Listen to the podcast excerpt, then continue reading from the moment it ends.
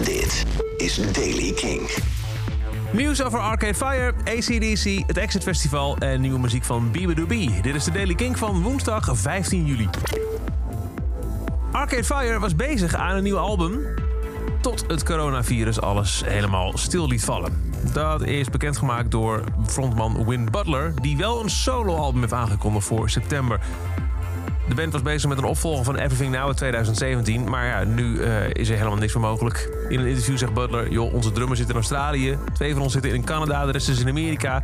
Logistiek gezien is het nu niet mogelijk... om de opnames van een nieuw Arcade Fire album door te zetten. ACDC gaat de 40ste verjaardag van het album Back in Black vieren met een reeks documentaires op YouTube. De eerste aflevering is nu te zien. Daarna wordt gesproken over hoe You Shook Me All Night Long werd gemaakt. Destijds de eerste single met Brian Johnson nadat voormalig zanger Bon Scott in februari 1980 overleed. De documentaire toont oude beelden met onder andere ook wijlen Malcolm Young.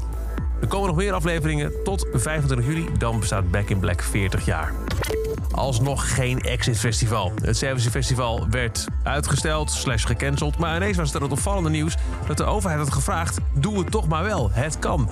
Dus de organisatie ging door met het neerzetten van een line-up voor augustus... in plaats van juli, waarin het festival normaal plaatsvindt. Maar ja, nu is bekend geworden dat het aantal coronagevallen in Servië toch weer stijgt... en er dus geen Exit Festival komt. Bibidobi heeft haar debuutalbum aangekondigd. Fake It Flowers, zo gaat het heten. Het komt later dit jaar uit, dus nog geen datum genoemd. En het komt uit op Dirty Hit Records, de Engelse indie-label waar ook de 1975 en Wolf Alice bijvoorbeeld op zit. Vorig jaar kwam er al een EP van Bibidobi, Space Cadet. Daarop stond onder meer I Wish I Was Steven Melkmus, die we veel hebben gedraaid op Kink. En nu is er een nieuwe single, of eerste single van wat dan ook een debuutalbum gaat worden. Die heet Care en klinkt als volgt. since that time.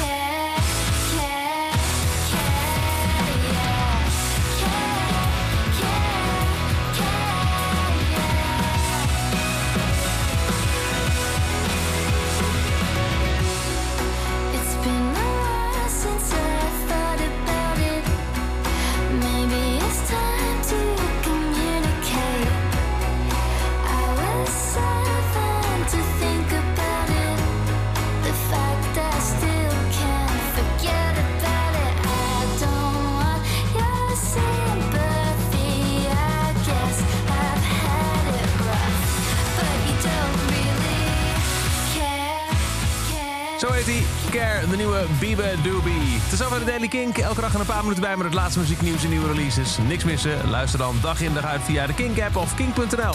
Elke dag het laatste muzieknieuws en de belangrijkste releases in de Daily Kink. Check hem op kink.nl of vraag om Daily Kink aan je smart speaker.